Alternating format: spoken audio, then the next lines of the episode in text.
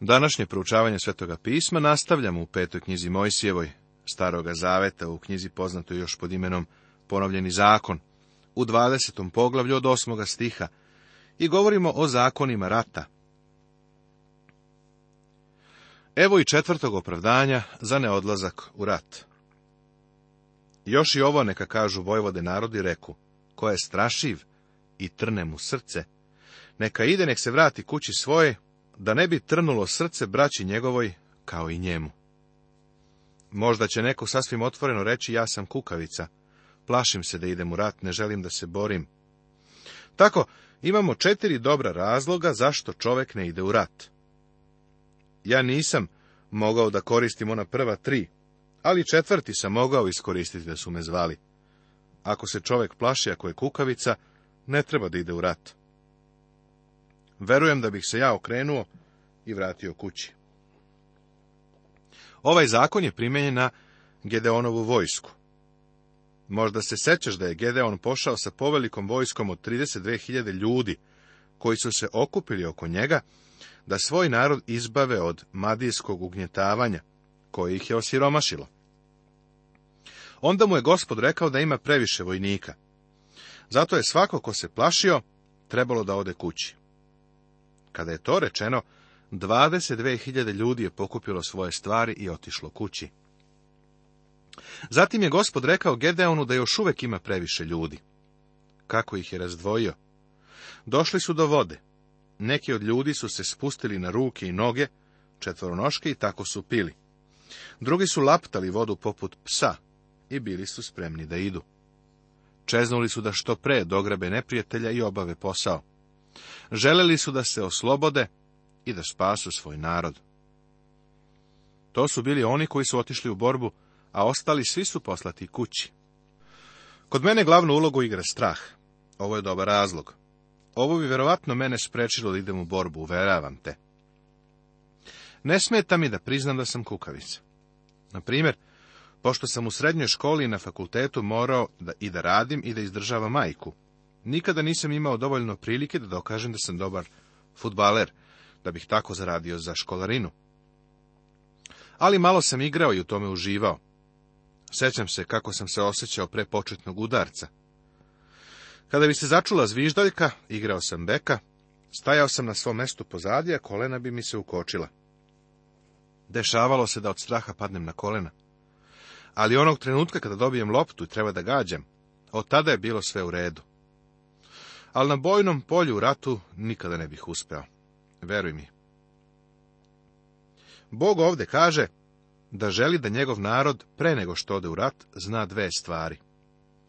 Pre svega moraju biti na njegovoj strani. Moraju se boriti za ono što je ispravno i moraju znati da je Bog sa njima. Drugo, moraju biti oduševljeni time. Postoji vreme kada se čovek bori za svoju zemlju. Tu ima mesta patriotizmu i zastavama ali i način na koji američki političari rade svoj posao, samo podstiče ljude da spaljuju pozive za vojsku. Božiji način je vrlo mudar. On ima divne uslove za svoj narod, čak i u ratno doba. Kad dođeš pod koji grad da ga biješ, prvo ga ponudi mirom. Ako ti odgovori mirom i otvoriti vrata, sav narod koji se nađe u njemu neka ti plaća danak i bude ti pokoran. Ako li ne učini mira s tobom, nego se stane biti s tobom, tada ga bij. Evo još jednog velikog principa koji je postavljen. Možda se sećaš da američki general MacArthur nije verovao u ratovanje u kome nismo nameravali da pobedimo. Ovakav kompromis je kao neko prokletstvo za naš narod danas u Americi i taj kompromis pravimo sa lažnom pobožnošću. Ovo je ispunilo naše crkve, a i celu američku vladu. U svoje vreme MacArthur je upozoravao da se ne ratuje u Aziji, ali ako već ratujemo da idemo na pobedu, to je cilj rata, upravo to kaže i Bog. Ne treba da se borimo ukoliko se ne borimo za pobedu. Bog je ovdje prijatelju postavio divne principe, ali smo mi danas daleko od njih. Poglavlje 21. Tema je o ubistvu, braku i neposlušnim sinovima. Ovim poglavljem se završava deo posvećen religioznim i nacionalnim propisima i uredbama, deo koji je započet u osmom poglavlju. Ovde nalazimo divne i zanimljive uredbe koje se odnose na mnoge različite aspekte života Izraela. Istraga ubistva Kad se nađe ubijen čovek u zemlji, koju ti daje gospod Bog tvoj da je naslediš, gde leži u polju, a ne zna se koga je ubio. Tada neka izađu starešine tvoje i sudije tvoje i neka izmere od ubijenoga do gradova koji su oko njega. Pa koji grad bude najbliže ubijenoga, starešine onoga grada neka uzmu junicu iz goveda na koje se još nije radilo, koja nije vukla u jarmu. I neka odvedu starešine onoga grada tu junicu u pustu dolinu, gde se ne kopa ni seje i neka zakolju junicu onde u dolini. Ako je očigledno da je čovek ubijen, i ako je njegovo telo pronađeno, onda starešine iz grada treba da izmere koji je grad najbliži. Taj grad je smatran odgovornim za ubistvo. Možda čovek i nije ubijen u gradu, ali se grad ipak smatra odgovornim. Evo šta je trebalo da urade. Potom neka pristupe sveštenici, sinovi Levijevi, jer njih izabra gospod Bog tvoj da mu služe i da blagosiljeju u ime gospodnje. I na njihovim rečima da ostaje svaka raspra i svaka šteta. I sve starešine onoga grada, koji budu najbliže ubijenoga, neka operu ruke svoje nad zaklanom junicom u dolini. I tvrdeći neka reku, ruke naše nisu prolile ove krvi, niti su oči naše videle Milostiv budi narodu svojemu Izraelu, koji si iskupio gospode, i ne meći prave krvi na narod svoj Izraela. Tako će se očistiti od one krvi. I ti ćeš skinuti pravu krv sa sebe, kad učiniš što je pravo pred gospodom. Kroz ovu proceduru se prenosi jedna osnovna istina. Kada se u gradu desi zločin, stanovnici toga grada snose izvesnu odgovornost. Iz ovoga razloga ja verujem da građani treba da zahtevaju da se donesu zakoni koji će onemogućiti ili proterati zločine koji se dešavaju. Bog jednu društvenu zajednicu smatra odgovornom. Čak i kada ubistvo nije počinjeno u gradu, grad je i dalje odgovoran. Starešine toga grada su morale da dođu i da mole oproštenje za grad i oproštenje im je dato. Pitam se da li je u Americi ikada bilo predloga da molimo Boga za oprošte za mnoge zločine koji se dešavaju u toj zemlji. Jedno je samo reći da je sve to strašno i užasno, a drugo je doći pred Boga i kazati, o gospode, oprosti nama kao narodu, Bože, oprosti nam naše grehe danas. Znaš li da je Hristos ubijen izvan grada? Da, ali njegova smrt je mogla spasti njegove ubice. Mislim da je rimski kapetan, koji je bio zadužen za Hristovo raspeće, jedan od ljudi koji su doživjeli spasenje. Stihovi od 10 do 17 daju nam uredbe o braku sa ženom koja je zarobljena u ratu. Također postoji zakonska zaštita prvenaca i njihovih prava u slučaju dvostrukog braka, u kome je jedna žena voljena, a druga omražena. U Jakovljevom životu imamo ilustraciju za to neposlušni sinovi. Ko bi imao sina samovoljna ili nepokorna, koji ne sluša oca svojega ni matere svoje, i kojega oni i karaše, pa opet ne sluša, neka ga uzme otac i mati, i neka ga dovedu k starešinama grada svojega na vrata mesta svojega. I neka kažu starešinama grada svojega, ovaj sin naš samovoljan je i nepokoran, ne sluša nas, izelice je i pijanica. Tada svi ljudi onoga mesta neka ga zaspu kamenjem da pogine. I tako izvadi zlo iz sebe, da sav Izrael čuje i boji se. Ovdje imamo zakon o izgubljenom sinu. Shvatamo kako je gospod šokirao masu koja je slušala kako on govori priču o izgubljenom sinu. Kada se mladić vratio kući, mnoštvo naroda koje je slušalo očekivalo je da će biti kamenovan. Zamisli njihovo iznenađenje kada je gospod rekao da je otac raširenih ruku izišao u susret sinu. Očekivali su da će mladić dobiti ono što je zaslužio. Bio je na sramotu. Zaslužio je da umre. Ali šta otac čini? Grli sina i ljubi ga, kaže mu, hajde da jedemo i da se veselimo. Jer ovaj moj sin beše mrtav i ožive, izgubljen beše i sada se nađe. Prijatelju, zar ti nije drago što danas nismo pod zakonom? Kada dođemo gospodu i priznamo naše grehe, on je veran i pravedan da nam oprosti naše grehe i očisti od sve nepravde. Umesto osude nalazimo milost. Kako je Bog divan i milostiv što nas prime i prihvata kada mu dođemo. Sada imamo jedan neobičan slučaj čoveka obešenog na drvo. Ko zgreši tako da zasluži smrt, te bude osuđen na smrt i obesiš ga na drvo, neka ne prenoći telo njegovo na drvetu, nego ga isti dan pogrebi, jer je proklet pred Bogom koji je obešen. Zato ne skvrni zemlje koju ti gospod Bog tvoj daje u nasledstvo. Zločinac koji je pogubljen vešanjem, na drvetu nije smeo da ostane preko noći. To je zato što je proklet svako ko visi na drvetu. Delo je nam čudno što nam se taj zakon ovdje spominje. U Izraelu se za smrtnu kaznu koristilo kamenovanje. Očigledno je da se vešanje nije primjenjivalo kao oblik smrtne kazne. Zbog toga ovo znači da je osoba koja je bila pogubljena kamenovanjem, nakon toga obešena na drvo. Ovo se primjenjivalo za zločince najgore vrste, da bi se obznanilo da je umro radi svog užasnog zločina bilo je to upozorenje za druge. Telo je moralo da se spusti sa drveta do mraka i da se sahrani. Razlog je taj što je zločinac bio proklet pred gospodom. Verovatno Mojsije nije shvatao, a pogotovo to nisu shvatali Izraelci, puno značenja ovog zakona.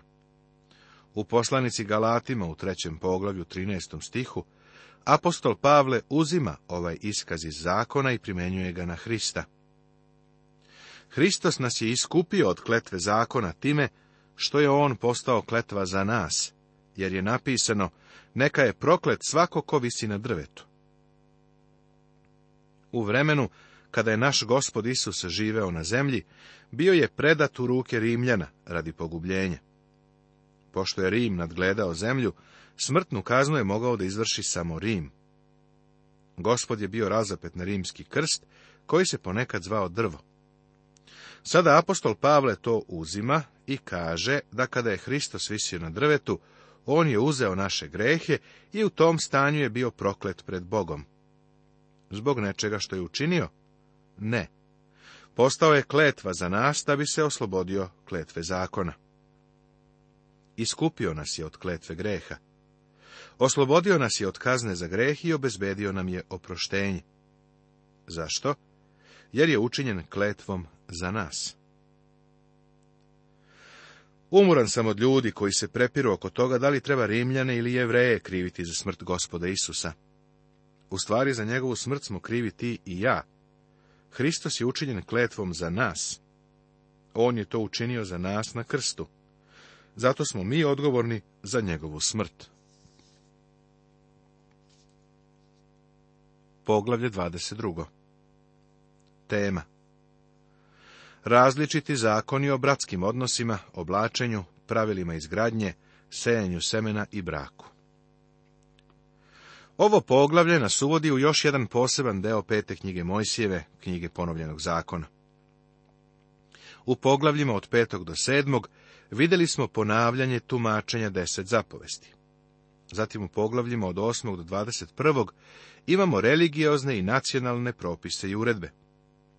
Sada u poglavljima od 22. do 26. dolazimo do propisa za domaće i lične odnose. Bog je mnoge od ovih zakona usmerio na narod. Sada govori o suštini, o tome kako ljudi treba da žive u vezi sa svojim domaćim i ličnim odnosima. Bratski odnosi kad vidiš vola ili ovcu brata svojega gde luta, nemoj proći mimo njih, nego ih odvedi bratu svojemu. Ako li ti brat tvoj nije blizu ili ga ne znaš, odvedi ih svojoj kući neka budu kod tebe, dokle ih ne potraži brat tvoj i tada mu ih vrati.